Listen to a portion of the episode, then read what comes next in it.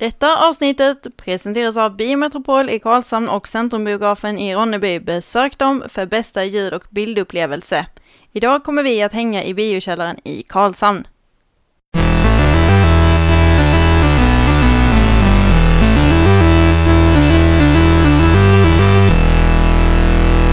Välkomna till Nerd Friendly, en podcast om spel, film, musik, serie, foto och andra nördigheter. I- Hi. Hej! Jag känner att jag behöver smörja den här stolen. Den bara... Ja. Men idag har vi den magiska trion. Ludvig. Christian. Och Linus. Eh, och, och en fjärde som heter Linus Jacka som jag hör lite då och då. Ja, men då kan vi ta av den. Det är en karaktär i sig själv. Ja, Jätteviktig för, för plot, plotlines som, kom, som kommer. ja precis. Det, det är lite småkylt i studion idag. Ja, det är det. Yes. Det är det. Så jag är typ klädd som en The winter's coming. Ja, winter Eller? is coming. Winter's coming. Nightwalkers! Woo! Eller så är det den eviga, eh, eviga hösten. Eh, för eh, i alla fall i syd, södra Sverige då kommer det typ knappt någon snö. Det var. Förrän smas. Ja, Mm. långt senare. Ja. Och sen blir det slask direkt. Ja. Jag älskar hösten, alltså jag tycker den är väldigt vacker innan löven faller, liksom när den har den här tonövergången i färger ute i naturen. Ja, Mm. när, när, så när, när, det blir, när det blir eh, typ de där röda, grön, äh, rö, röda gula eh, färgerna och så eh, man prasslar igenom löven. Mm. Eh, det, det är riktigt mysig, mysig känsla. Så Mm. det finns en skogspromenad vid mig som jag brukar gå på och då är Det- riktigt vackert. Redig crunch time. Redig crunch time Gå, på gå det. där på löven. Apropå crunch, vi pratade lite grann innan vi hoppade igång den här sändningen, eller eh, inspelningen, om, om just crunch, begreppet Mm, av att mm. nöta i obetald arbetstid för att färda ett spel eller en film i, i, innan deadline. Mm. Yes. Prata, prata lite allmänt om det, om några projekt där det har varit liksom eh, Vissa projekt där det har varit banen liksom till, till spelen. Det som har gjort att spelen inte har blivit bra. Mm. Och det som är uppmärksammats för att det är Ja, från vad jag tycker i alla fall är omoraliskt att Det är att un- unfair, sin- det är, Ja. det är taskigt liksom. Du, du pressar din personal att medvetet jobba liksom obetalt, du bränner ut dem. Ja, Och det är ju lite branschproblem verkar det som. ja, Ja, verkligen. ver verkligen och då är det eh, speciellt eh, eh, Red Dead Redemption 2 innan det släpptes. Eh, så blev det eh, Först var det rykten om att det var jättestor crunch-tid men sen fick, fick man reda på att det var sant. Folk fick använda, eh, arbeta 100 timmars veckor Ja, eh, för att eh, att nu, nu har vi en deadline, vi kan inte skjuta upp, eh, upp den. Nu måste vi, vi har så här mycket arbete kvar att Mm, göra, vi mm. måste bli färdiga. Så så det, ja, det blev en jättebra produkt, men eh, man Du, måste du, du sabbade mycket människor på, på vägen liksom. Ja, de- det, de blir sabbar det förstörda väldigt. ju. Ja, men man Mm. blir förstörd eh, av det. Stressen, eh, knappt någon sömn. Mm. Eh, och eh, det finns så mycket för forskning över att eh, har man mer än 50 timmars arbetsveckor, det, det tar på psyket. Mm. Och så tänka, det är typ två, två och en halv veckors tid på en vecka som man måste jobba. Det är ju, Det, det fanns ju tidigare en dokumentär på Netflix som jag tror vi har refer- refererat till vid tidigare avsnitt eh, om eh, framtagning av Men of Honor. Heter den det? eh, Medal of Honor. Medal of Honor? Ja, det finns ett spel som heter Medal of Honor. Nej, men det, det finns det som Oscar spelar en massa emellanåt. Du, Eh, du, off- du kan vara vikingar. Eh, eh, For Honor. For Honor. Forerunner, ja precis. Mm. Forerunner. Mm. Och det var ju då en av, av så här, skaparna bakom, han som hade den man säger, ultimata produktidén då. Han har försökt pitcha det här spelet i väldigt, väldigt många år till olika bolag. Kom in då liksom i, i Montreal, kanadensisk, Mm. jag vet inte vilka det är, om du, vilka som gav ut det. Ubisoft. Det var Ubisoft ja. Det är Ubisoft. Och, och hade den här idén hur spelet skulle vara uppbyggt och att det skulle liksom vara liksom intuitiva fighter och att du kunde vara liksom i olika karaktärer och det skulle vara eh, split screen och det skulle kunna köra över nätet Mm. och eh, cross-plattform baserat. Alltså hur mycket bra grejer som helst. Men det blir liksom ju, ju närmare du kom de här liksom stegen. Eh, så man följer i dokumentären liksom kärleken för att skapa ett spel som, som folk kan uppskatta och njuta av. Och även de, de som var med, cheferna och medspel, alltså de som var med och medverkade i spelet, hur de gjorde för att detta skulle vara kul att göra. Ja. Och ju närmare de kom det här sista året när det liksom började promotas ut och de försökte sälja in det i förväg, hur, hur intensivt det blev, hur utbrända folk blev. De var liksom bara människor var bara bönder. Ja. Du, du, du, du bara kastar dem liksom framför, framför dig, liksom, eller vad heter det? Kasta dem till vargarna. Kanonmat. Kanonmat liksom. Och, och bara försökte få in folk, folk slutade och liksom hur, hur man tacklar de problemen också och vad man måste kapa av för att liksom kunna lansera den här produkten. Det blev i slutändan, tycker jag, det jag har testat, ett jävligt bra spel.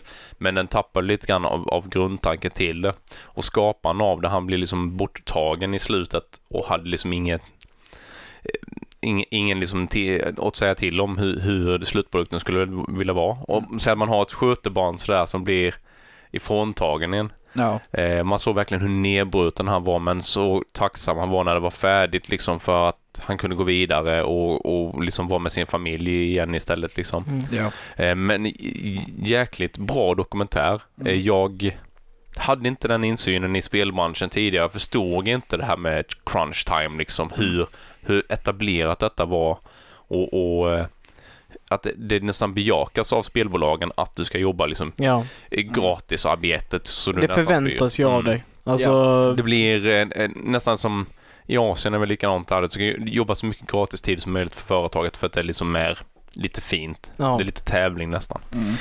Så, Det- så vill vi inte ha det. Nej. Mm. Ehm, och jag, jag tänker ju samtidigt att det är ju lite det Tyvärr priset du får betala om du kommer in med en visionär idé Mm. och ska sälja det till ett korporativ liksom. Ja.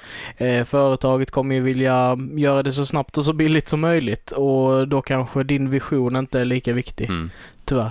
Nej. Och Eh, det är jättetragiskt. Vad lite slutklämmen är, är ju att jag tror att vi kommer se en framtid, precis som med allt annat miljövänlig mat och fair trade och sådana saker, att även spelbranschen kommer få den här stämplingen, eh, arbete för liksom rätt lön och sådana saker, att man är som en fair employer. Mm. Eh, att det här spelet är framtaget, gjort av medarbetare som, som mår bra och liksom har, har schyssta arbetsvillkor så att säga. ja. Mm. Eh, säga vad man vill om eh, EA och eh, Ubisoft, men att jobba inom inom dem. eh, Så det ska vara jätte, jättebra arbetsförhållanden.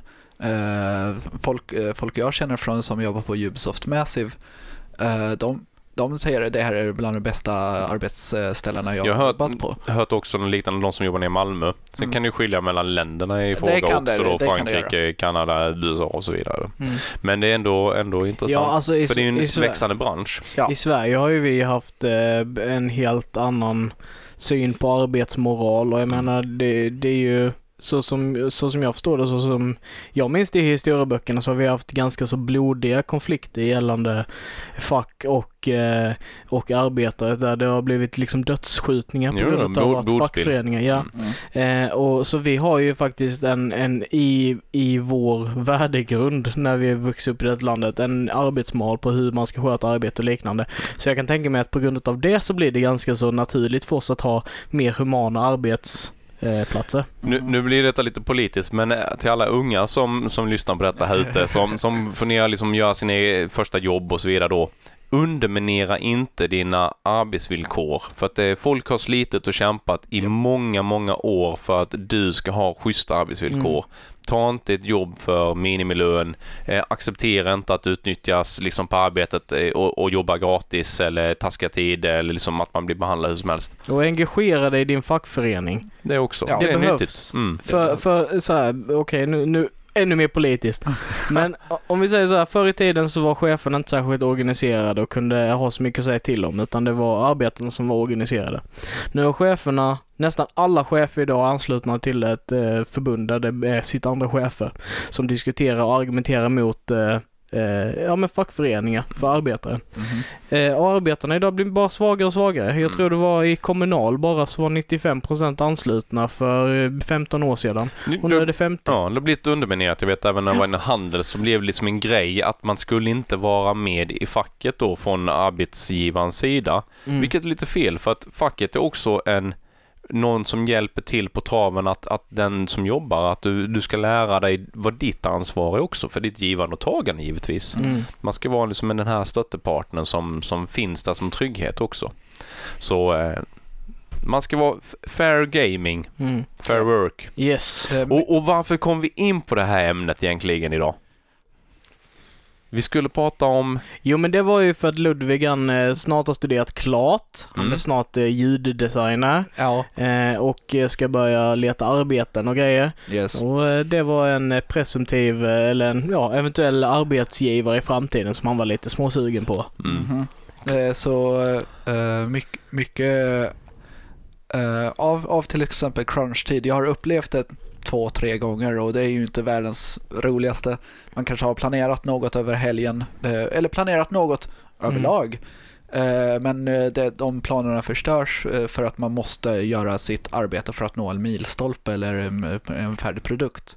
Men där, där är det skönt som ljuddesigner för spel också att du, du har liksom lite, du vet vad som kommer behöva finnas i ett spel. Liksom, Mm. Om någon bestämmer att det är ett skjutspel, då vet du att du kommer behöva ha explosioner, det kommer behöva ha skottlossning liksom Mm.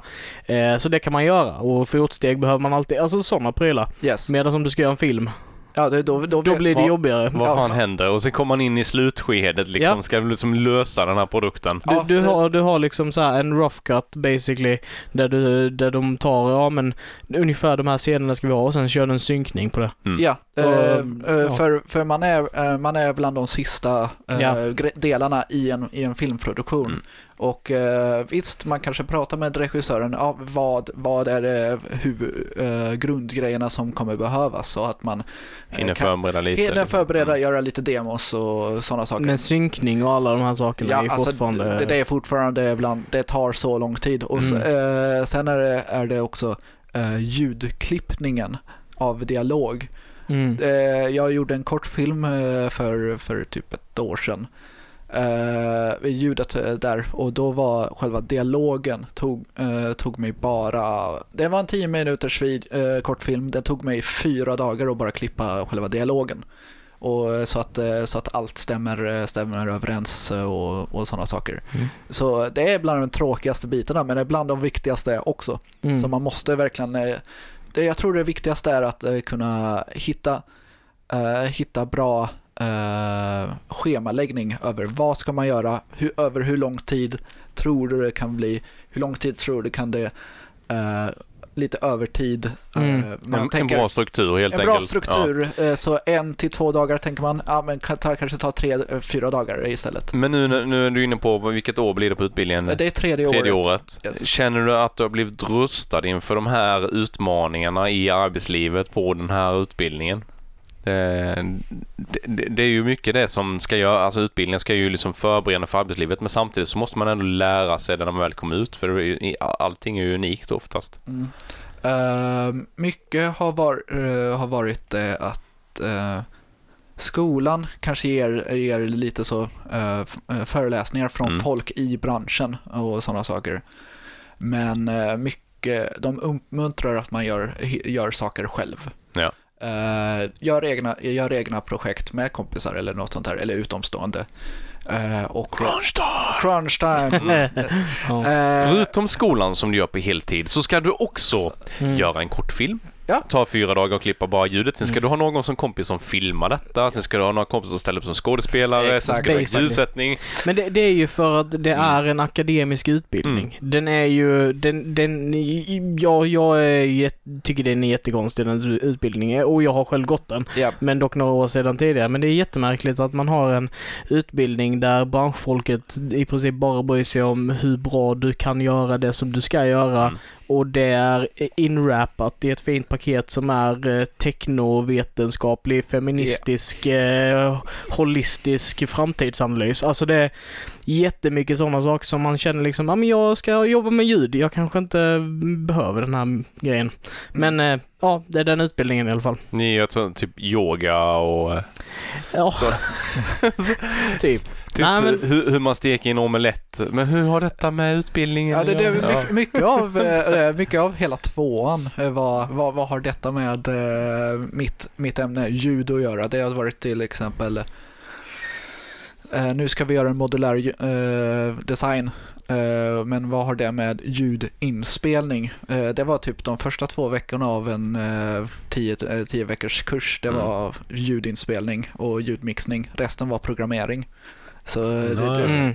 Jag, jag tänker liksom så osökt på eh, Karate Kid, Wax on, Wax, ja, wax off. off. Liksom. Det, det, Det här är inte karate, det. sen bara helt plötsligt bara, åh, kommer allt naturligt och man kan karatesparkar och allting Ja, bara för det- att man har vaxat en bil. Mycket, mycket, av, Mm. eh, mycket av det, det är ju inte, eh, det är inte en ljud, eh, eh, ljudlinje, utan det är en medieteknisk linje. Yes, Mm. precis. Eh, Men att det, det råkar just vara perspektivet ljud.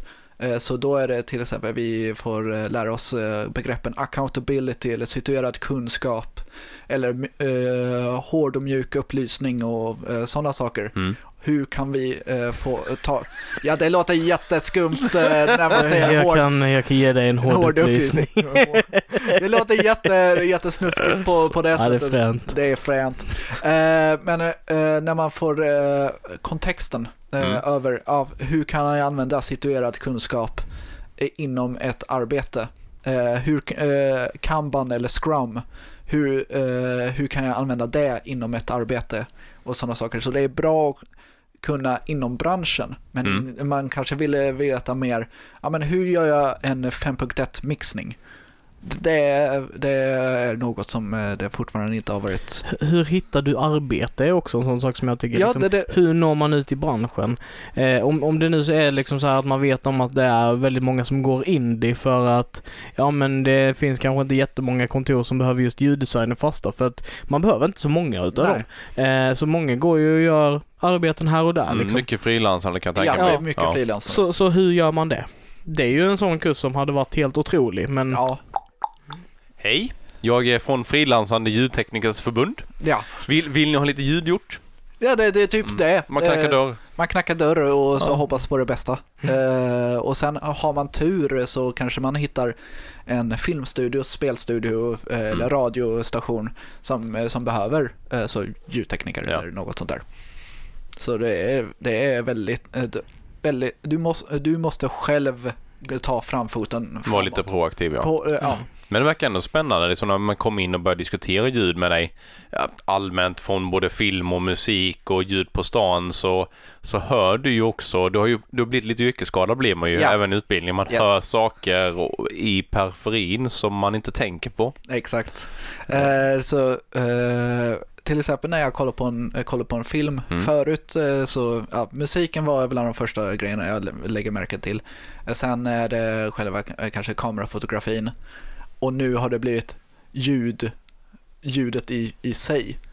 Eh, som eh, eh, till exempel eh, hur gjorde de den här ljud, ljudeffekten om det är Mm. typ lasersvärd eller något liknande. Hur gjorde de den? Snarare än att eh, det är eh, åh, det, det låter så coolt. Ja, det låter coolt, men då tänker jag som skapare, hur gjorde man den?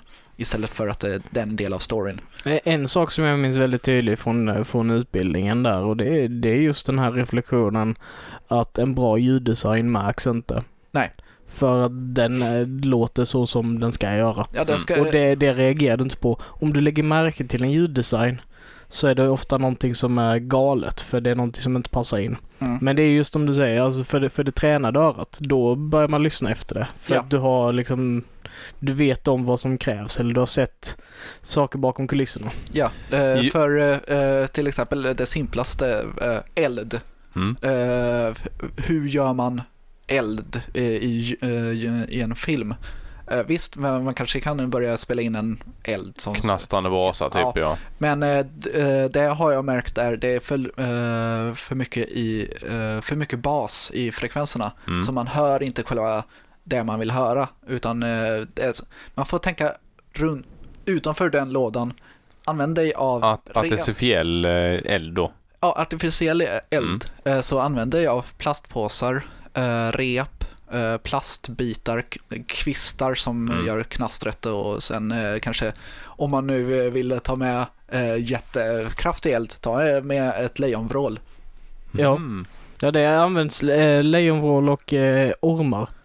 Mm. Används eh, ganska vanligt för att det... Ormar. Ormar. Bara för att Ah. elden ska upplevas som, eh, som farlig. Farlig. Okej, ja, ja. Så Jag, jag tänker annars, ett sånt där ljud som man alltid gått och funderat på, det är ju Godzilla-vrålet. För det ska ju vara typ hur mycket det är både valar och fan hans moster eh, olika saker jag, i det. vet, jag vet att det är en distad bas som man har slått med en eh, typ eh, plast, eh, sån där gummihandske. Mhm. Det, det, det vet jag är en Nu, del nu har av inte lika coola stod för bara en typ halvtimme sedan och fingrade på en gammal eh, Go- Godzilla liksom plastleksak som man kände igen sen jag var ung liksom. Eller ung ung men yngre. Mm. Eh, bara, så jag ska köpa den här. Det varit rätt roligt. Eh, Så det, det är ju också en, det är ju en av de ikoniska uh, ljuden. Spec- Mm. eh, Och sen i de nya Godzilla-filmerna, då är det, det är fortfarande det klassiska vrålet, men Mm. eh, typ gånger hundra. Yeah. Eh, för uh, säga vad man vill med, 211. eh, ja verkligen, säga vad man vill med den första, eh, typ varje gång Godzilla kom in till Mm. filmen, typ en halvtimme av två filmer, eh, av två timmar, eh, eh, så han, han, när han gör sitt stö- första vrål, det är typ gåshud, de bara wow, Mm. ascoolt eh, och det, det är typ en ljud, ljudteknikers våta dröm Mm. att försöka få fram den känslan. Svansen är ju, svansen på det ljudet är ju min favoritdel. Ja, Vi- Visst det här dånande jävla äh, starka ljudet är coolt men jag gillar hur de lyckas få till det här svansen. Det... Det är och så, så lite raspigare. Alltså nästan liksom lite vibrato i då. Ja, precis. Vi, det- vi, efter vi kollade på Godzilla-filmen försökte jag ju få ihop bara vrålet för att ge ett litet eh, teatriskt liksom klipp i, eh, i poddavsnittet. Och då satt jag och lyssnade igenom alla Godzilla-ljuden i alla filmerna. Ja. Och jävlar vad stor skillnad. En del var ju sen helt rabiata. De har lagt på hur mycket... Då kommer det även lejonvrål mitt i och helskumma. Då pratar vi liksom 60, 50, 60-tals Mm. Godzilla. Eh, och, och där...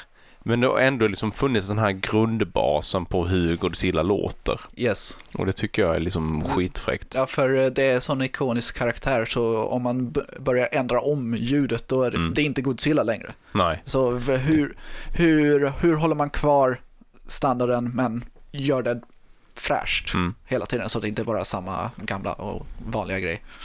Mm. Så jag vet inte hur de gjorde på, på de nya, nya filmerna med eh, ljuddesignen. Det kan vara någonting med någon analog synt eller något sånt där som de hade distat eller något sånt där.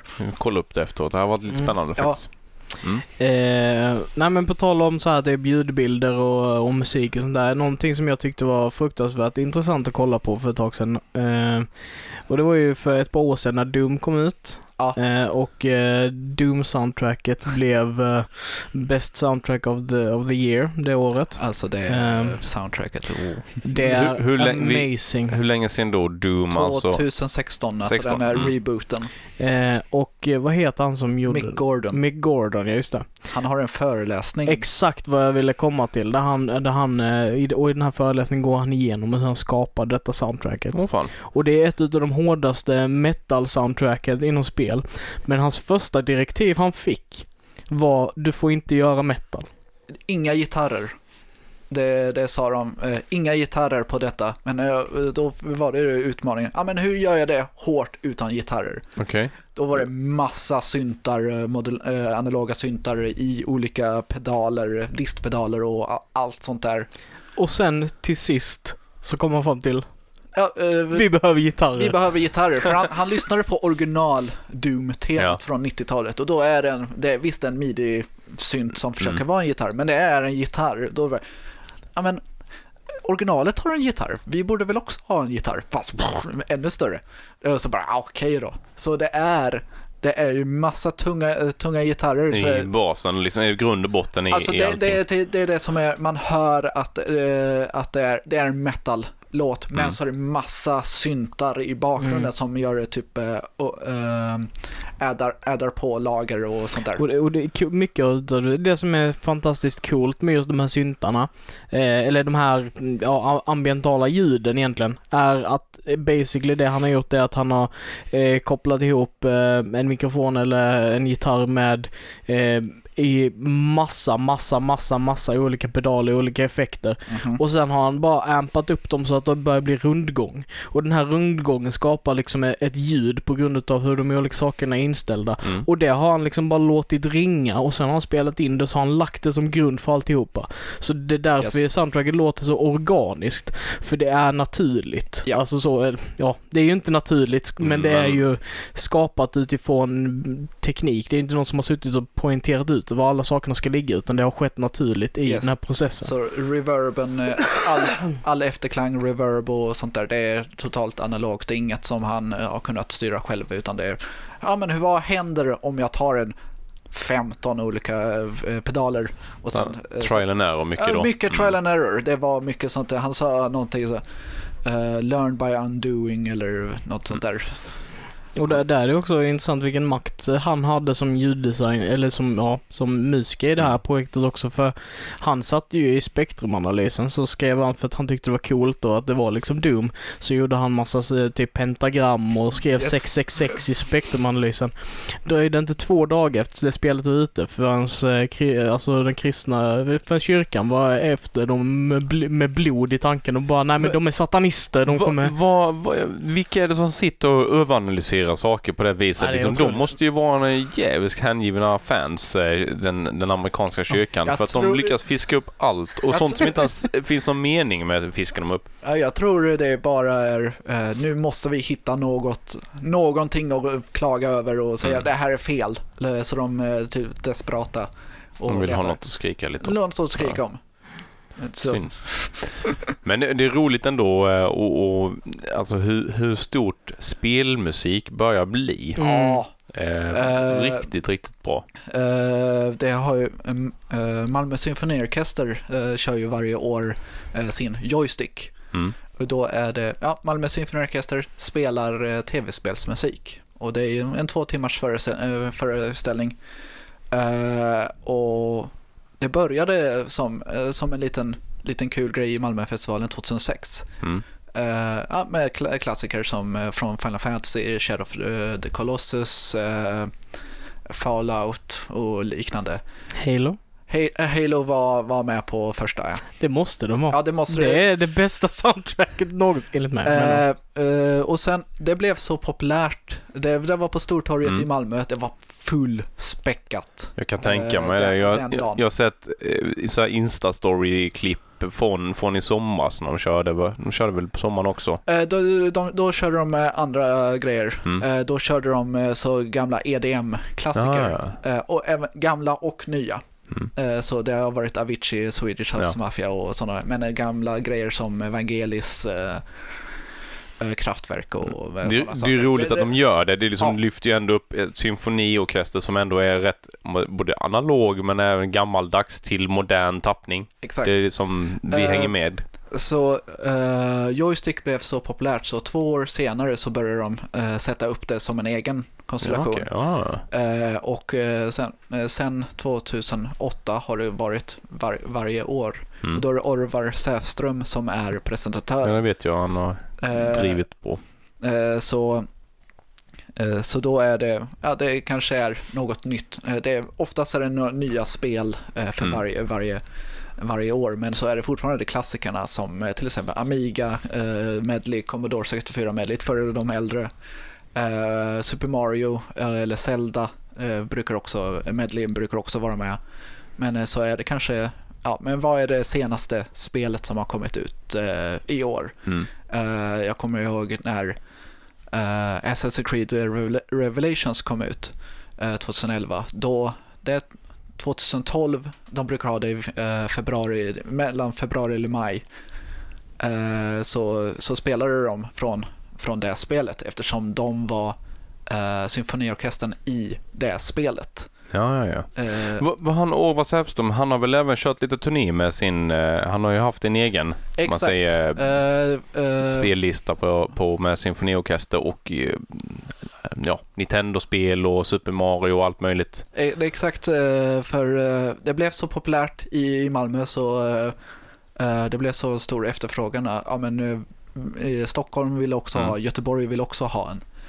Eh, Så, så det blev att det blev att eh, eh, att det kördes, eh, att uh, Stockholms symfoniorkester kör, körde sin, Göteborgs symfoniorkester Okej, ja. körde sin, sin grej. Och då, det, ibland är det ju typ lite samma program, men det är Mm. oftast är det kanske något, Lite variant e- ja. någon variant Jag, jag tror det var antingen var tv-program eller ett radioprogram där någon, någon som, vad heter det, dirigenten till den här en sån symfoniorkester som sa att de får ju lite annat, annorlunda klientel när de kör spelmusik. Ja.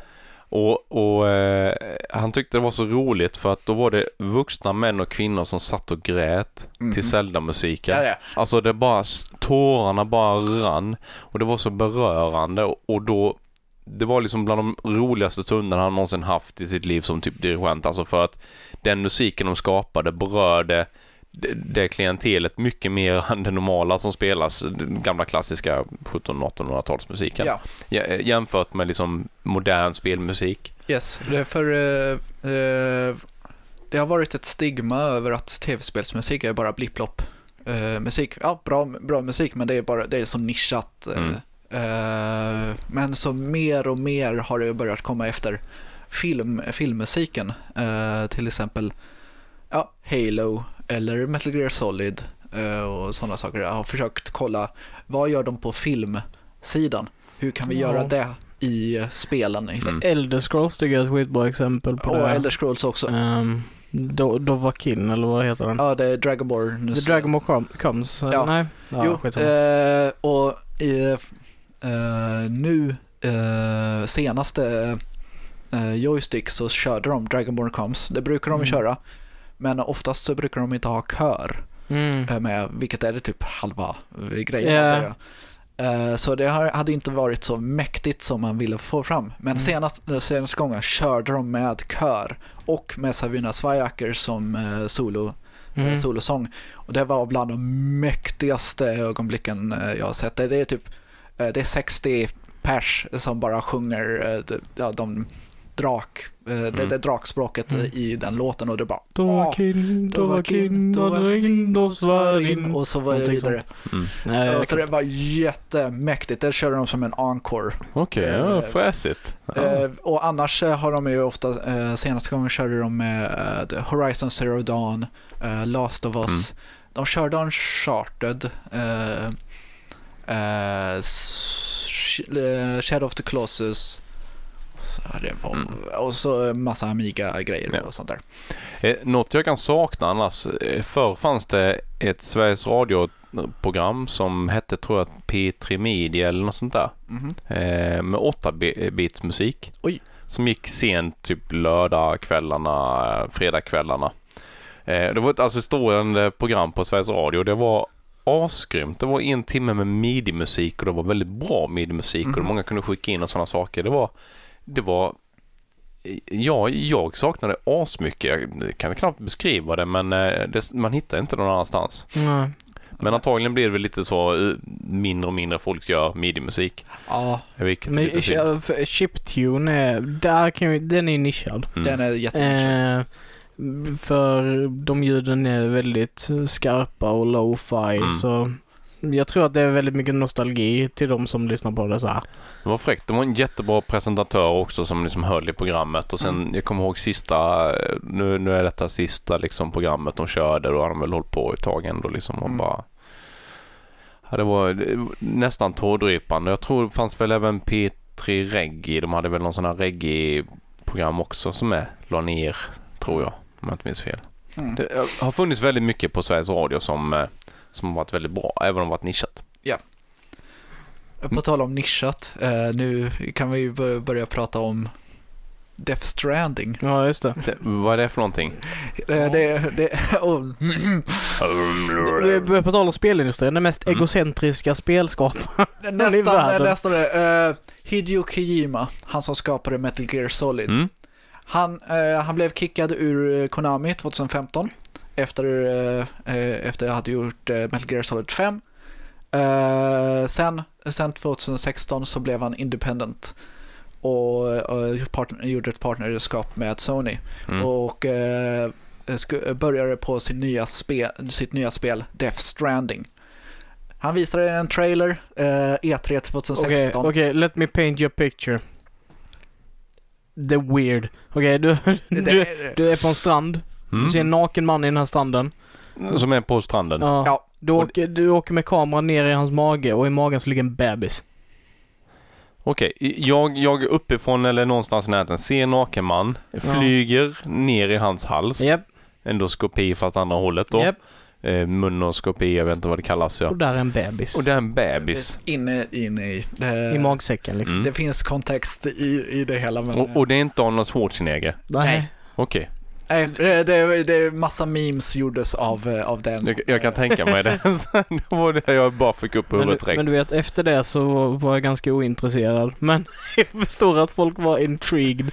Eh, så de visade första, första trailern. Mm. man ser, det är Norman Reedus från Walking Dead Mm. i huvudrollen. Ja. Man ser, man ser hon- honom i en, eh, i en eh, strand. Eh, Det är typ massa valar och döda valar, krabbor och sånt där på den här stranden. Och så är det en babys vid, vid honom gråtandes. Och en i magen. Det, det är en annan... En det- annan scen typ. annan scen. Okej, mm. Han, han kramar om, om Mm. denna. Sen försvinner barnet och blir typ bläck. Eh, eh, man får se hans uh, babysens bläck. Mm. Han, hand, handavtryck ja. gå, gå vidare. Och eh, ja, det, det, det är ett skumt spel. Eh, Det låter inte ens som ett spel. Nej, och sen, detta, sen så, detta var ju bara första teasern. Mm. första gameplay-trailern. Det enda de visar är att han går med jättemycket packning på olika ställen. Ja, och det är det som är spelet. Att han går runt på en strand eller på en Nej. ö typ. Stranden, uh, okej, stranden. Uh, oh jävlar. Den är inte ens med längre eller? Spoilers! Nej, det är... eh, eh, Okej.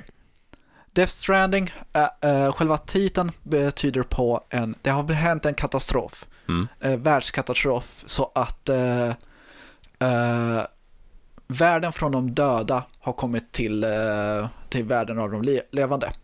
Så då, då får man se spöken, eller andar, som är från limbo. Mm. Stranden är då limbo. Okej. Eh, och eh, du, du spelar som Sam Porter Bridgers, eh, av, eh, som spelas av eh, Norman Reedus. Han är en eh, ehm, typ brevbärare som, som ska... Le- leverera meddelanden från det dödas rike till det vanliga? Nej. Nej. nej.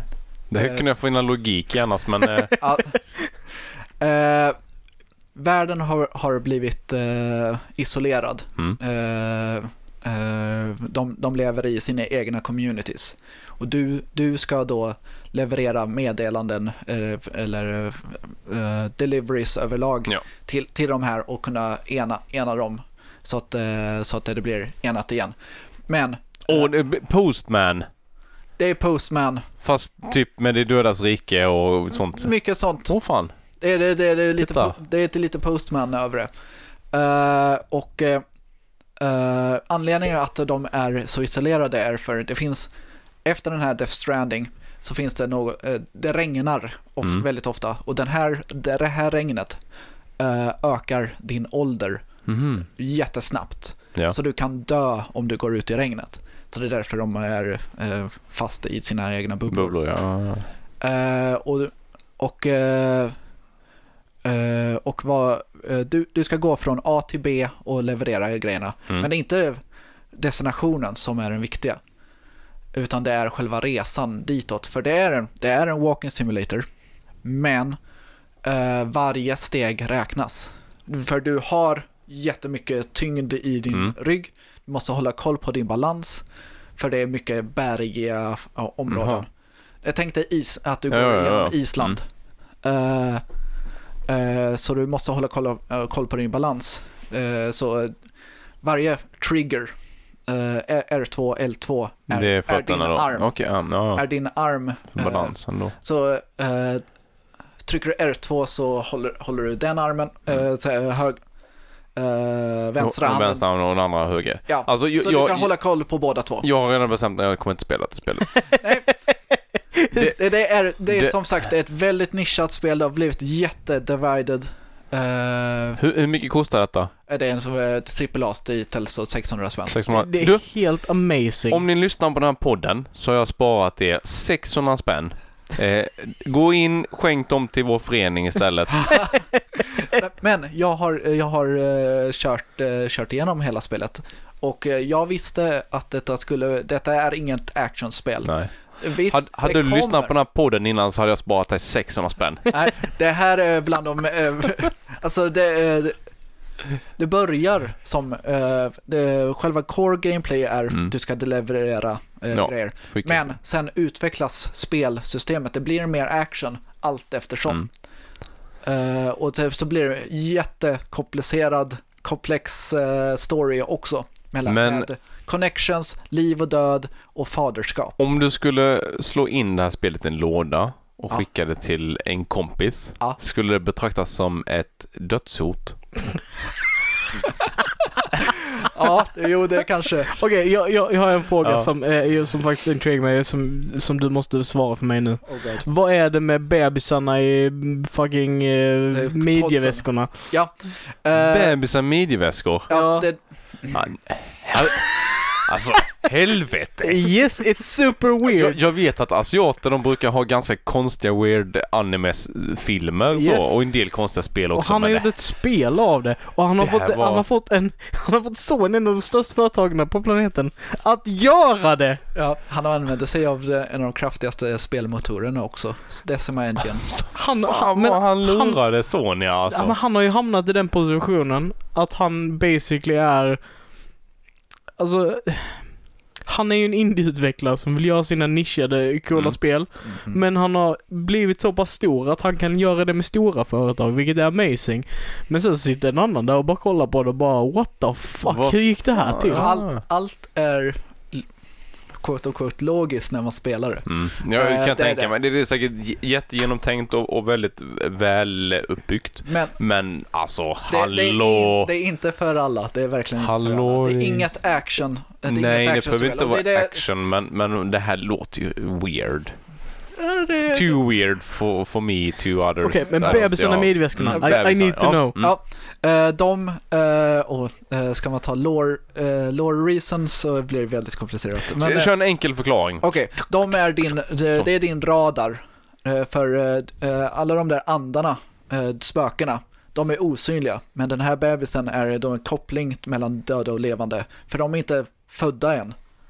Okej. Bebisarna i midjeväskan är inte födda än, Nej, så de eh, är som en radar som känner av De här döda, döda. väsen Ja. i runt omkring dig. Och de döda väsena kan typ skada dig då. De, de, eh, de försöker eh, dra, ka- Dra in dig i ner dö, dödsriket död- typ dödsriket. ungefär ja. Okej. Mm. Eh, Ja, så det är mycket så... Blev inte mer creepy i detta spelet? Det är, Nej. jätte, det är, det är, rätt, det är rätt creepy. Eh, eh, så du måste ju smyga, smyga dig förbi eh, de Mm. här. Eh, och då måste du också hålla andan när, om du är nära, dem, Ja, ja, ja. nära nog. Och då är det eh, hålla in R1. Mm. Men då, det drar på din stamina. Men det kan jag tänka mig. Det är som att simma under vatten och alla, Ja, alla, alla spel. alla liksom. de Ja, spelen. mm. Eh, så, men om du blir upptäckt, det är inte game over. Nej. Eh, då, då blir det, de, eh, du kan försöka slå, Värja slå, dig ja. bort, eh, Mm. slå dig bort, men om du misslyckas där, då blir det typ en liten mini-boss battle Okej. med eh, stora typ bläckvarelser som, eh, som du måste döda. Eh, döda. Eh, men eh, tidigt i spelet så har du inga vapen. Så då blir det väldigt svårt. Mm. Men Du dör... har, har ouppfödda bebisar i midjeväskor. Ja. Det är typ dina... Det, du har. Mm. Det, det, Nej, Du har, vi, vi, du har det som handgranater vi va? läm- det här spelet förtjänar inte mer eh, rampljus än så här. Vi går vidare. det var Ja. verkligen en upplevelse. Det var... jag, det, jag, det, jag tror att vår, faktiskt att det är en, en hel del av vår fanbase som är intresserad av det faktiskt. Det tror jag faktiskt. Alltså det är Mycket möjligt. Alla, alla kommer spela detta säkert nu, eller i alla fall testa demo eller något sånt där, men det, det verkar helt skumt. Jag, Där- jag, kommer däremot- nog, jag kommer nog lyssna eller kolla på en uh, Ja, du kan låna Ludvig, han har redan slängt bort Nej, jag, 600 jag, vill, jag vill nog spänn. inte spela det, men jag vill nog kolla på en playthrough bara. Ja, ja, det... Jag tror det är rätt... För mig var det rätt tråkigt att kolla, kolla en playthrough. Ja. Det är roligare att spela det. Ja.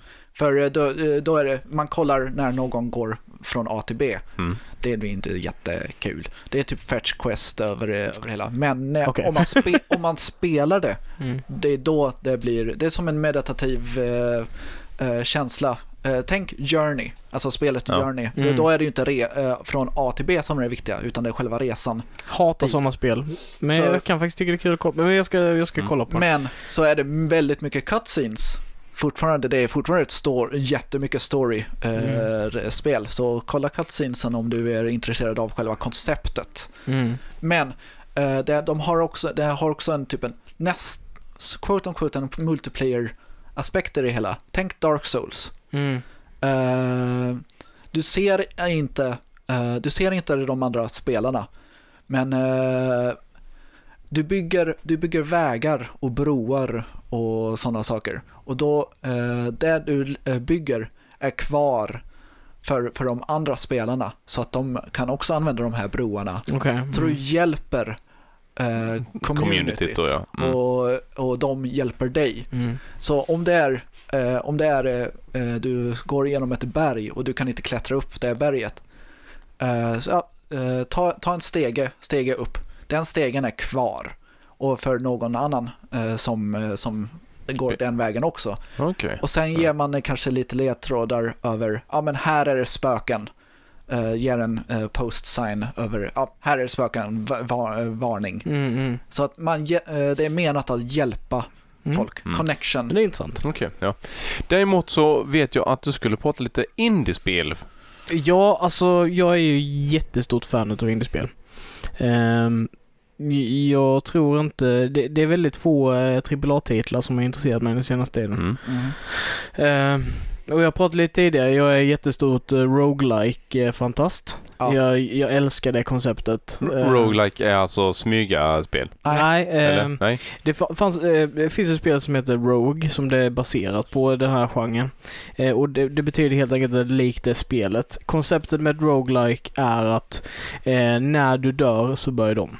Mhm, ja, ja, ja. Med eh, uppgraderingar. Och så är det random generated eh, områden Ja. Det, varje gång. Det är aldrig samma eh, Plats layout. och så, ja. Eh, eh, Detta spelet som eh, Shadow of Mordor, är det lite roguelike? För Nej. det är ju någon typ Nej. vålnad. Nej, Nej. inte den. Mm. det, det är RPG. Okej. Eh, Det, eh, det, har du kört spel som Binding of Isaac? Nej, Uh, NetHack? nej, Uh, Dead Cells. nej, Eh, Rogue Legacy.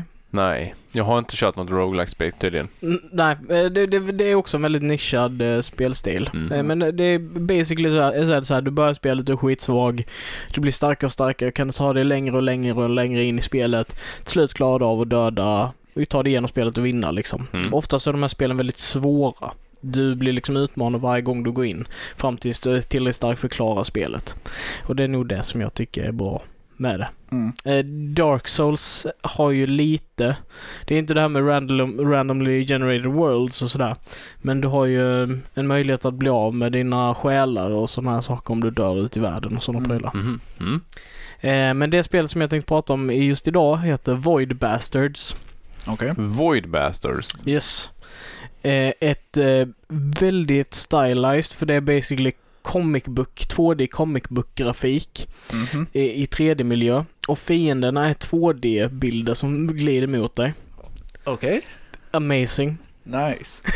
Jag försöker visualisera detta och, och få upp någon sån här konstig bild av eh, första generationen Fallout-spel. Nästan. Det är väl top-down eller? Nej? Ja, det är eh, asy- s- asymmetrisk, eh, vy liksom. Vi. Mm. Ja. Eh, Så tänk, eh, han tänker nog snarare eh, Diablo, Baldur's Gate. Ja, det, Ja, Fallout men- 2 blev det väl där liksom. typ, nästan, så, ja. Vad blir det? Fourth person eller någonting det här Alltså, typ. det, ö, Fast med platta fiender som kommer emot dig som på skena liksom Ja. på skjutbana. Men tänk dig att det är FPS också. Mm. Så det är first person, så du liksom, du är bakom pistolen liksom. Eh, och du går på i rymdskepp för basically konceptet med detta spelet är att du, eh, ja, jag förstår fortfarande inte det riktigt, men det är liksom space bureaucracy Mhm. och eh, på grund av att det blivit några missar och sådär eh, så ska ett utav dina, de här rymdskeppen då, som har fångar eh, ska ta sig till stället och leverera alla, alla de här bagsen med aska som fångarna är. För de blir, mm, ja, de blir dried kallas det och det är att de basically bränns sönder och askan sparas och sen så blir de återfuktade så blir de levande igen. Mhm. Eh, I alla fall. Eh, så då eh, bestämmer sig datorn för att liksom bara, ja men eh, ta upp en fånge och bara, nej men eh, vi behöver fixa den här grejen så du ska ut på äventyr i rymden typ. Mhm. Eh, och göra de här sakerna. Och varje gång du dör så får du en ny fånge. Aha. Som har liksom olika egenskaper. Så du kan vara lång, du kan vara kort, du kan vara färgblind, du kan... Eh, Vad har de olika, eh, ja om du är lång, vad är fördelar och nackdelar? du, du är högre upp. Jaha, det, så det är inget eh, att eh, du kan inte gå igenom olika och- områden eller? Du kan fortfarande gå igenom liksom på samma ställe. Det är bara det att du får det här toppperspektivet. Perspektivet. Om du är kort till exempel, då behöver du inte croucha för att gå under vissa saker och sådana här Ja, saker. okej. Mm. Så det är de här sakerna. Det finns även så här, ja men så du kan se vad elektronik är på kartan. Du kan se vad fiende är på kartan. Och sen så har de olika banor det kommer till också vissa saker, typ att ja men det finns ingen minimap på den här kartan. Eh, en utav de här fiendesorterna är en ally. Eh, och sådana saker. Alla fienderna har halvt HP. Men också svårare saker som att monstren är svårare här för de är från, ja, de har högre level och sådana saker. Mm, mm. Vad, vilka utvecklare av detta spelet? Ingen aning. Nej. Eh, Men man hittade på Steam. Steam? Ja. Eh, För nu kommer det väl mer och mer plattformar för indieskapare där du kan liksom både köpa, prenumerera och hyra spel om jag Ja, fattat rätt. Steam har ju varit eh, eh, Det är den klassiska standard. stora, ja. eh, Epic Games gissar jag har sin, Origins kanske har sin. Ja, Steam tänker jag också för att de har ju få, gått igenom ganska många av barnsjukdomarna utav vad det här med greenlight och he- hela de här grejerna. Ja, Visst, det kommer ut ganska mycket skit på Mm. Steam också fortfarande, men det är inte alls Så mycket. lika mycket, tror jag inte. nej. De hade ju jättemycket problem med, vad är de kallas, asset flips. Mm. Eh, vilket är basically, ja men du, du kan köpa en, en spelmotor ganska billigt och sen så i det här så kan du köpa till asset packs som basically är bara, ja men det här är grafik från, eh, från någonting. Mm. Eh, och sen så bara, så har du utvecklare som bara klickar i, i det lite snabbt liksom och säljer det för 50 spänn. Mm. Mm. Och det har inte tagit dem någon tid att göra. Det är inget spel utan det är bara en asset flip där de har bara lagt in saker och testat. Sen le- levererar det. Det är typ som att man gör, gör ett eget spel i eh, Little Big Planet Ja, och försöker sälja det för sig själv. ja exakt. Mm. Eh, och, och, eh, och det finns ju mängder utav sådana här och det finns ju en stor problematik i det. Att det finns hur mycket sådana spel som helst. Mm. Det blir inte så utvecklande men sen kanske även att eh, spelen är inte så genomtänkta så att det finns ingen, ingen bra spelmekanik eh, i dem. nej, det, Så du blir lite lurade på pengar egentligen bara. Pre- Precis. Precis, det med.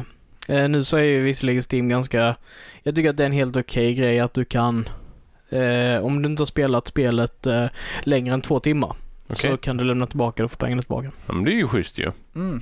Ja, men det ska jag ta, med- ta med mig. Ja, men gör det. Det, det är en sak som... Jag har ju, har ju några spel jag inte kunnat spela på grund av mitt grafikkort på min dator från 2010 Ah. inte riktigt pallar med det. Nej, det det. Nej, men då kan du... Då kan Total du War Warhammer. Ettan och tvåan. är det Ja, även på det lägsta eller? Ja, ja, Jag- nej, jag nej, gillar- nej. jag- Det blir bara svart skärm, datorn jag, gillar, dör. jag gillar att du köpte första spelet och sen så, bara- så bara... Ja, det funkar inte. Så kommer tvåan så bara Måste ha det med liksom. Är man ett Warhammer-fan så måste man... Ja, jag get, jag get Men det. var En, lite en så... vacker dag, en vacker dag. Jag, man köper ju det när det är billigt. Det är ju den enda möjligheten man har råd till. Och Ja, liksom. man köper spelen och bara, ah, men det här kan vi nog köra någon gång. Det är så, Nej, men jag hoppas en, en vacker dag så har jag en, en speldator som funkar till liksom. Då, då kommer jag kunna spela de här spelen och Mm. nötta dem. Jag, jag kör ju mycket, mycket timmar på de spelen jag har när jag kan. Mm. De är tidlösa Mm. strategispel. Mhm. Så att bra. Ehm, men jag har ett, ett spel jag skulle vilja testa på Steam som är en segelsimulator. Det låter skittråkigt men eh, det Det, ser... där har vi ju det, det, det tråkiga Walking Simulator igen. då. Ja, nej, men det, det, det skulle vara lite fräckt att se för att jag, jag har aldrig riktigt provat sådana här simuleringsspel. Jag vet ju att många kör Truck Simulator. Truck Simulator, Train Simulator och sånt. Och Ja. verkar ändå rätt soft att bara liksom Det åka igenom hela Europa med, med trucker och liksom se Det är miljöerna. typ sån där passivt spelande. Lite Mm. som med World of Warcraft, man kan spela det passivt men det må- fortfarande du måste ha eh, lite, Lite ko- koll. Du- lite du- koll Mm. eh, på saker. Du, Så du, kan du, du, lyssna kan, du, kan, ja, du kan lyssna eller titta kanske till och med på en serie lite vid sidan om fast Ja. ändå köra genom Europa utan att krascha bilen som du gör om du skulle kolla på någonting på telefonen på, när du kör verkligen bil Ja. eller truck. Yes. Eh, så att det har varit kul att testa ett, ett simuleringsspel. Mm. Jag provade med, köpt en Eh, variant eller någon annan typ kopia av det här eh, där du kan bygga rymdskepp. Eh, Eh, Är det det där... typ- Kerbal Space Kerbal Program. Space Program, Ja. fast i en annan Simple Planes. Eh, Okej. Just för att jag ville testa och se om man kunde bygga liksom olika typer av eh, skepp, eh, flygplan Mm. och helikopter och allt möjligt. Och då, då är det liksom där med eh, aerodynamiken, viktfördelning, motorkraft, styrning, massa sådana saker som man ska räkna in i detta då. Mm. Var, var enkelt, kostade typ nästan ingenting på Black Friday som snart är dags igen. Eh, och har försökt lite grann just det här, lära mig den delen, men det är jävligt knivigt alltså. Det är det. är- Jag såg någon här YouTube-video, jag tror det är Wired eller Mm. något sånt där. Och då var det en riktig astrofysiker som spelade det här spelet och skulle göra ett uppdrag till, Ja, eh, till ju- månen eller Mars eller vad Mm, mm. Och då var det verkligen hålla koll. Eh, För han, han är en som styr eh, satelliter och Ja. skeppen. Jag ska jag bygga en egen satellit i Kerbal Space Program Ja, ja, och och så det, då var det, det här är, är ungefär som den riktiga, Mm. riktiga del, delen i det hela. Så han Mm. hade inga större, större problem. Men Mm. de som kör det som, jag tänker det är ett spel. Det, då blir det bara, ah, this is, you Det, have det, det är ju ren, Been ren matematik eh, Ja. bakom det, så Ja. det är ju, man får ju tänka till lite grann liksom. Var det inte det lättaste spelet? Mm. Men det, det är ju fräckt ändå att de Mm. faktiskt gör sådana spel och lägger liksom en, energin att det ska bli autentiskt för att möjligheten finns ju för många som som är brighta liksom och, och, och fixar eh, det och liksom finner någonting i sig själva som de kanske inte har trott, Mm. tror jag. Ja, det är ju, det, alltså det är ju, jag tycker att det är så man ska göra en simulator. Det är ganska så fjantiga karaktärer, det är ganska så liksom så här töntigt men mekanikerna är superavancerade. Yes. Så Mm. allting med spelet är roligt på olika sätt. Mm. Du får realismen men du får också det här Goofy. lite fi- goofiga, fjantiga liksom. Mm. Och, och då kommer en annan sida i, i mig fram där jag tänker så här att okej. eh, om nu den här, den här rymdsimulatorn då. Lägg, lägg till att det kanske finns någon liten modul i den här som eh, plockar ut då personer som har lyckats väldigt bra i det här programmet. Eh, som en typ av uttagning. He- hemlig uttagning till någon organisation eller företag Mhm. där man då utvecklar rymdskepp eller redan besitter kraften att flyga i rymden. Mhm. Eh, det är ändå rätt fräckt att, att man i spel idag kan bygga in en urvalsprocess där du tar fram anlag för att liksom vara väldigt duktig på någonting Mm. utan att du ens vet om det. Ja, då, Mm. då är det ju nästan uh, Elite-spelen. det är ju eh, typ skeppssimulator. Mm. Eh, och då är det verkligen, du måste, eh, efter en, en grej, det fin, eh, om du bromsar eh, i rymden, det går ju inte att bromsa i Nej. rymden. Du, eh, du måste ju hålla koll på eh, Trust, eh, liksom Alltså, eh, styrraketer och raketer, framraketerna, bakre, du har ingen friktion. Så att, ingen friktion alls. Så det måste, för att det är lätt, den, man tänker den simpla grejen att docka till en rymdstation.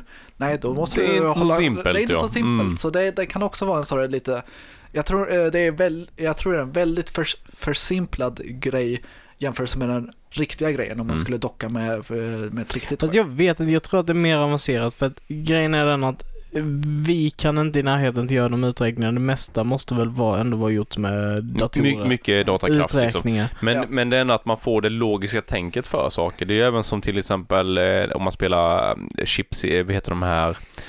Eh, World of Battleships tror jag, Ja. World of Thanks. Ja. Du kan ju... Thanks! Thanks. Thanks. Thanks. Thanks. Thanks. Thanks. Thanks. World of eh, Thanks. Ja, Mm. Eh, du kan ju ändå få ut liksom av de som spelar, vilka är duktiga strategiker? Mm. i, i deras spelteknik, spelmekanik och det kan ju även en data analysera till liksom använda för artificiell krigsföring. Eh, Alltså säg att du programmerar in AI för eh, en, eh, en, en tank då. Ja. En AI-tank. Det- Det börjar finnas, jag tror Ryssland har en Mm. gigantisk monster.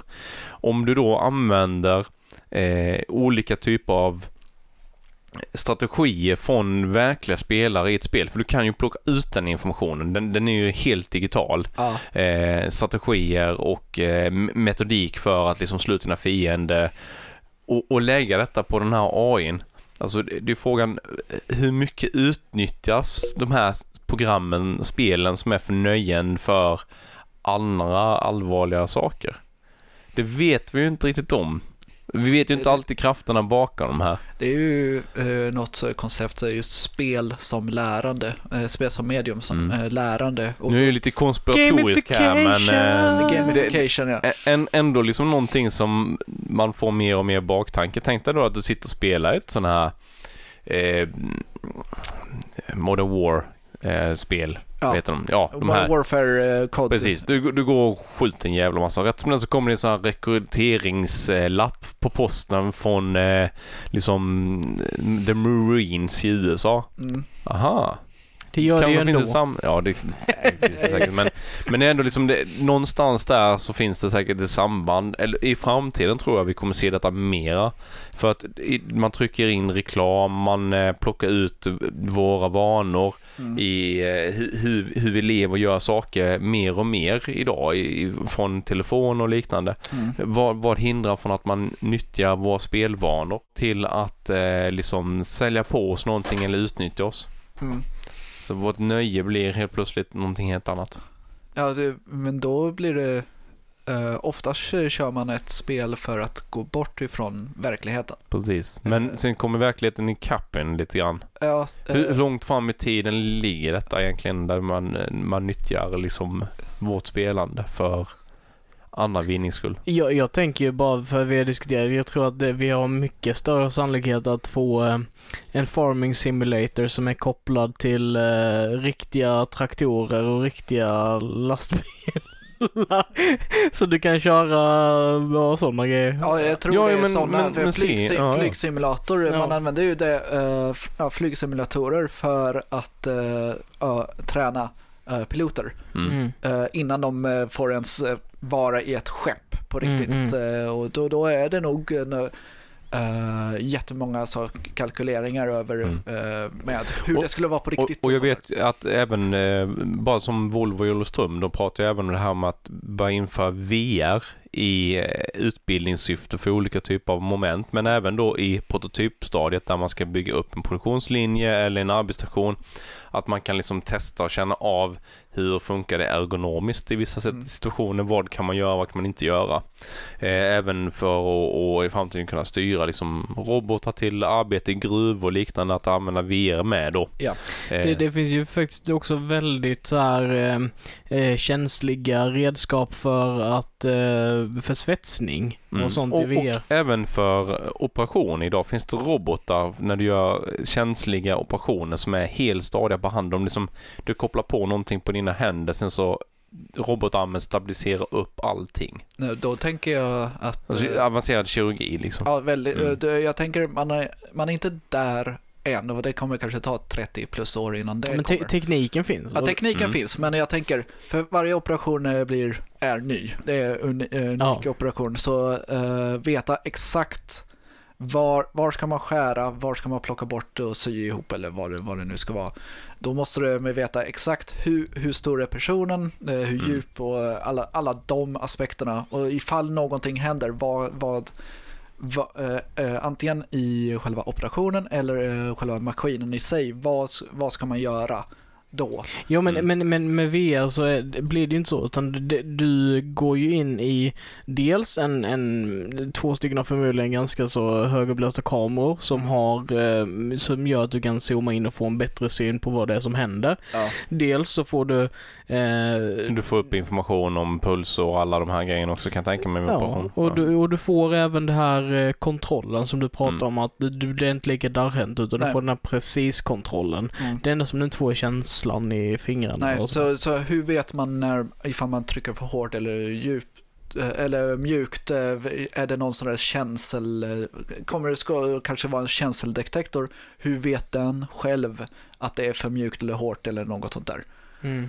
Ja, Det, men det är nog något som de, kommer de långt. sam, samlas nog data hela tiden. Vilket är ju då, det, införs ju liksom, ju mer data man samlar desto mer smarta AI kan man göra. För det är ju AI man använder som hjälp till alla de här verktygen i framtiden. Yes. Eh, och och eh, det skrämmer mig lite grann. Ja, det, det blir... När man är ute, nu kommer ju snart nästa Terminator-film på bio här och, och jag är Alltså jag, jag har fortfarande inte släppt Skynet sen jag såg första filmen när den kom du, ut. du behöver inte vara rädd Linus. För grejen med AI är att om den är malicious och den vill förgöra oss så kommer vi inte ens se det komma. Vi kommer bara alla vara döda en dag. Eh, tack för den förvarningen. Mm. Eh, Så- det vill jag inte veta. Du kommer inte oroa dig, jag, vill- behöver jag, oroa dig. vill, jag vill kunna planera för framtiden liksom. Jag skaffar familj och liksom de Men, grejerna. eh, men, man är ska, att det inte är någon idé för att jag kommer ändå liksom inte märka när jag dör. men om man ska tänka singularitetsteorin, det är kanske runt 50-60 år innan det börjar, eh, att de börjar få tänka själva och sådana saker om, om den stämmer, Mm. te- teorin stämmer. Så. Det, det, du, du har, skaffar dig familj in- inom 60 år så är det Mm. inga problem. Se. Men, det, men det, det finns ju sådana, alltså för, för grejen är att eh, när en AI når till AI-nivå, riktig AI-nivå, eh, då blir den så pass eh, smart inom bara 10 minuter att vi inte ens kan förstå hur smart den är. Och om den då bestämmer sig för att människan inte är värd att ha kvar, då så, kommer så den kommer den lösa det Då problemet kommer den lösa det. Det kommer Mm. inte bli något Skynet, det kommer inte bli något krig. Vi kommer bli utrotade. And that's that. Mm, typ. Det, jag, jag tror den, den delen att den dagen det händer, Positivt. Den dagen det händer. den dagen den händer så kommer den skapa ett virus som kommer utplåna människorna. Det är så vi kommer dö. Jag, jag, jag, såg, jag såg en teori eh, och det var nanobots som Mm. kunde gå in och bara göra mikroexplosioner som spränger, eh, som spränger eh, hjärtat. Ja. Jag, Eller jag en- tror det är spränger för inte hjärtat, men ineffektivt. blodkärlen Jag så tror, att- tror den bara liksom låter oss utplåna oss själva typ. Men, Eh, men vi, vi, vi lämnar vad destruktiva vi blir idag. Negativa, pratar det om jättekonstiga det spel med ofödda bebisar som kan Jag se kan visa dig trailers sen. Nej, jag vill inte se trailers jag ska sova en natt. vad har Mm. du mer på det här spelet? Vad tycker du? Void Be-. Ja, vad, betygsmässigt. Vi har ju en betygsskala mellan 1 och 10 som Eh. vi ger. Och vi behöver inte ha detta till att jämföra något spel för att det är ingen som kommer fatta den här relevansen som du brukar dra ändå. Åh, okej. Ja, vad Eh, jättetråkigt, eller hur? Mm, jättedrygt. Nej men eh, jag tyckte att det var en, en me- mellan en 7 och 8 tror jag. Det är ändå eh, rätt högt ju. Eh, ja, alltså Rätt absolut. faktiskt. Eh, det var inte superlångt för ett roguelike för grejen med roguelike-spel är ju ofta att du skallar dig blodig eh, i x antal timmar och sen när du klarar det så är det liksom yay!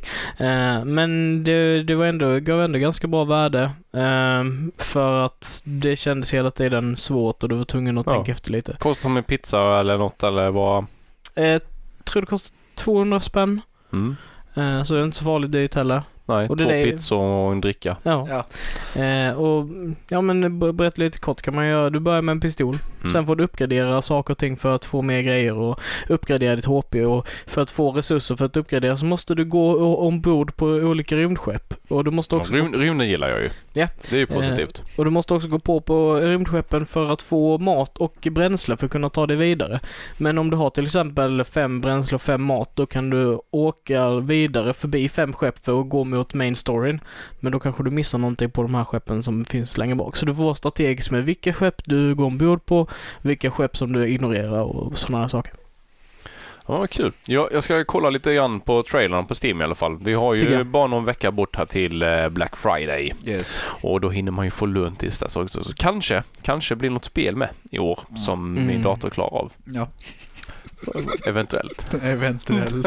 Ja, snart kommer Steam eh, Winter Sale också. Just det. Oj, oj, oj. Suck alltså. Herregud, Ja. får sälja. Sälja njure. Åt- 80 procents rabatter och allt det där. Ja. Mm. Det, det är ju lite roligt att faktiskt Steam kör ganska mycket rabatter emellanåt. Ja. Du Ja. har en möjlighet att köpa liksom hela paket och sånt. Ja, det, det var när jag köpte Witcher eh, 1 och 2 på Mm. någon sommarrea. Det var innan trean hade kommit Och det var ju bortkastade pengar för det är ju inte kul. Ettan är, ettan är inte kul. Uh, storyn, är, storyn är asbra. Uh, men uh, spelsystemet är bara, uh, nej, skippa Jag, det. jag har försökt spela det spelet i fyra gånger eller någonting. Ja. Jag bara började typ somna av mig själv Ja. en timme bara. Medan så tvåan, jag säger till eh, folk som vill eh, börja köra det. Läs synopsisen i ettan, börja med tvåan.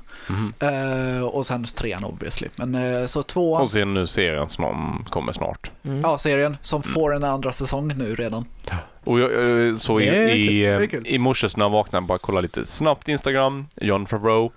Eh, bild på eh, Mandalorian eller? Mandalorian-hjälm. Eh, bara eh, stort sett spela in säsong två bara. I love this guy.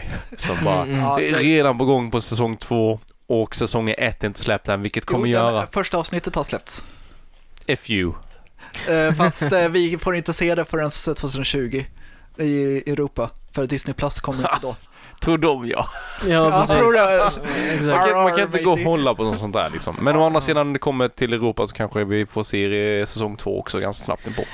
Kanske. Jag, jag vet faktiskt inte. Jag, jag är skittaggad på att kolla vad det är för någonting. Jag vill inte ta ut segern i förskott. Jag är ju så jävla tråkig när det gäller serier och väldigt konstig. Jag gillar ju serier som The Good Place och, och de här och sen så gillar jag inte Game of Thrones. Så att jag känner Mm. att jag inte riktigt har samma smak som, Jag- som många Jag andra. tror, jag tror eh, av det jag har sett så är det typ, om man gillar westerns, alltså så spaghetti westerns, då skulle man tycka om eh, Mandalorian.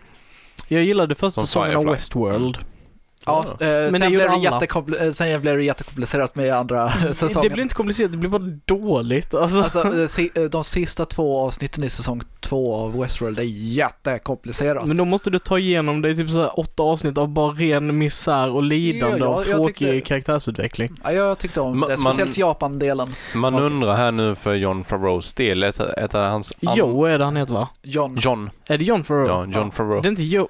Varför har jag fått för mig att det är Joe Favreau? Nej, John. Och så är det Dave Filoni eh, också. John Ja. Favreau. Han, Låter han, som en eh, pasta. ja, han eh, gjorde ju eh, Cowboys and Aliens. Ja, just det. Och Ah. frågan om detta, hans eh, andra chans, det är ju Aliens som är Cowboys nästan till. ja. Mandalorian. Som jag har förstått det liksom i helhet. De, de är Mm. lite vilda västern liksom. Eh, så jag, jag är jättetaggad för den här. Jag, jag hoppas att, att det här blir eh, the big happening 2020. Mm. Mm. Så får vi se. Eh, så bäst hade ju varit om det kommer till jul. Det kommer det inte göra. Så man i mellandagarna kunde plöjt det här.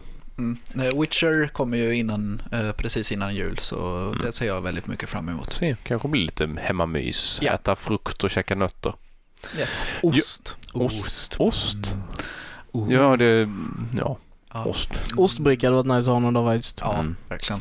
Mm. Tänkte på Wallace and Gromit när de flög till månen. Ja, det är väl helt Ah, gjord av ost. Det är så Mm. bra ler, lerfilm. Eh, jag, jag vill faktiskt göra en liten shout-out här för vi börjar närma oss slutet. Mm. Yes. Eller det- smygreklam kan man säga. Vi- Det har upptagit en ny butik i Karlshamn. Ja, just det. Och det ligger då i Blekinge för de som lyssnar som är på andra sidan jorden. I Sverige. Eh, in, in Just det, Blekinge, Sydamerika. Sweden. Vi ser dig. I på jorden. På jord- jorden, ja. Eh, och det är, eh, den heter Freaks of Fantasy. Mm. Som är en liten, liten butik med typ nördsamlarprylar och lite, eh, alltså bara så jävla awesome. Jag, Eh, jag blev bara var- glad, jag gick in där och, och började Var kika lite. någonstans i Karlshamn är den? Eh, ligger nära Vid hemmakväll ligger det. hemmakväll. På andra sidan, eh, eh, om du säger, det är liksom, du har hemmakväll och sen på ena sidan där så har du bubbeltian, Ja. eller fyndkällan som den heter nu. Och sen på motsatt sida där, eh, en bit upp på vägen så har du denna Mm. butik. Li- ligger ovanför i backen, upp ovanför liksom hemmakvällen, en liten butik till vänster. Och han har, det är, det är mycket liksom begagnat eller samlar, samlargrejer. Det, det är gamla Turtles-figurer, He-Man så jag hur mycket som helst. Jag fick så jävla mycket nostalgikänslor. eh, samlarfigurer, filmer, böcker. Eh, eh, mycket roliga saker. Så att han kommer nog komplettera efterhand med, eh, han skulle köra en lite cosplay-grejer och eh, kanske med lite, se, eh, vad heter t-shirts och dylikt. Merch. Om, om någon eh, som lyssnar på av någon mystisk outgrundlig anledning vill ge mig en gåva eh, så får ni jättegärna köpa den Carnage kaffemuggen till mig because it was awesome och jag behöver den i mitt liv. Okej, ja. Mm. Mm. Ni hörde det här först på Nördfriendly. Först här, ja. Eh, så så eh, alla, alla nördar som håller till i nordöstra Skåne, södra Småland eller i Blekinge eller har möjlighet att typ ta färjan från eh, Polen och Lettland Ja, till, exakt. till Blekinge. Mm. Ja. Så får ni åka och besöka Freaks of Fantasy. Han har en hemsida på, under uppbyggnad, annars kan man kolla hans Facebook. vet Mm. jag. Han har öppet tre dagar i veckan som nu. Mm. Mm. Lite sporadiskt verkar det Ja. Men jag, jag tycker det är en jättekul grej. Det behövs mer sånt här. Eh, Och det jag bara älskar att vara på, eh, på sådana ställen. Man hittar alltid något fynd som bara, åh, det här måste jag ha. Eh, Det Mm. finns ett ställe i Hudiksvall med, där farmor bor som heter Boa och där är det massa, Och jag tror jag har sett en, det var en hemsida också Ja, det väl, här, med det massa samlarprylar. det är massa samlar, Mm. samlarprylar och då är det också gamla spel eh, från, från NES-tiden, från Commodore 64 eh, eh, ända upp till idag. Gamla DVD, VHS, skivor, Mm. allt sånt där. Det är typ guld värt. Jag vet när jag bodde i Göteborg så fanns det en, ett, jag tror, jag tror det är ett spelkällare och liknande. De, de chippade spelkonsoler och reparerade, lagade, köpte och hade liksom hur mycket som helst gamla spel. NES, SNES, Sega, Mega Drive, allt. Och det var så jävla fräckt att komma in där för det var ju både importerade spel och, och, och svenska spel. Eh, en, en samling som idag hade varit värd en förmögenhet men då för, för bara liksom 15-20 år, ja 15 år sedan så, så var det inte så hypat som det blivit idag. Nej. Nördkulturen har blivit, kommit in i finrummet. Ja. Det har blivit Men- finkultur. Eh, Det har du. Det har du. Eh, med stråkkvartetter och orkestrar och allt möjligt så att eh, nog fan har vi kommit för att stanna. Ja, Ja. verkligen. Mer nörderi åt folket. Mm-mm. Och med det så, har vi tack för oss nu. Det är Mm. dags. Ja, det är Om- dags. Ja. och eh, ha en trevlig kväll. Yes. Detsamma. Eller eftermiddag, Eh, dag. se, se till att ni tar med er bebisen ut om ni ska ut och gå och, så att ni inte ska bli överrumplade av spöken. Nej, exakt. Eh, Mhm. och sånt där. Annars eh, blir det ju helt tecknat i eh, bläck. Och eh, har ni lite idéer som ni vill att vi ska prata om så gå gärna in på våra sociala medier. Nerdfriendly på Instagram och eh, Nördvänligt på Facebook och skriv en kommentar om eh, något ämne som ni tycker är lite roligt. Ja. Vi, Gör dig hörd, var en nörd. mm, Yes. Precis. Mm. Exakt. S- Slå inte barn, vad det nu var jag skulle säga. Skitsamma. Det, Slå inte barn, gör en figur av garn. nej, jag kommer inte ihåg. Det var något gammalt. Jag, jag går, precis som jag, jag går och drar något gammalt över mig själv. Eh, ha en trevlig kväll. Ha en trevlig kväll. Hej!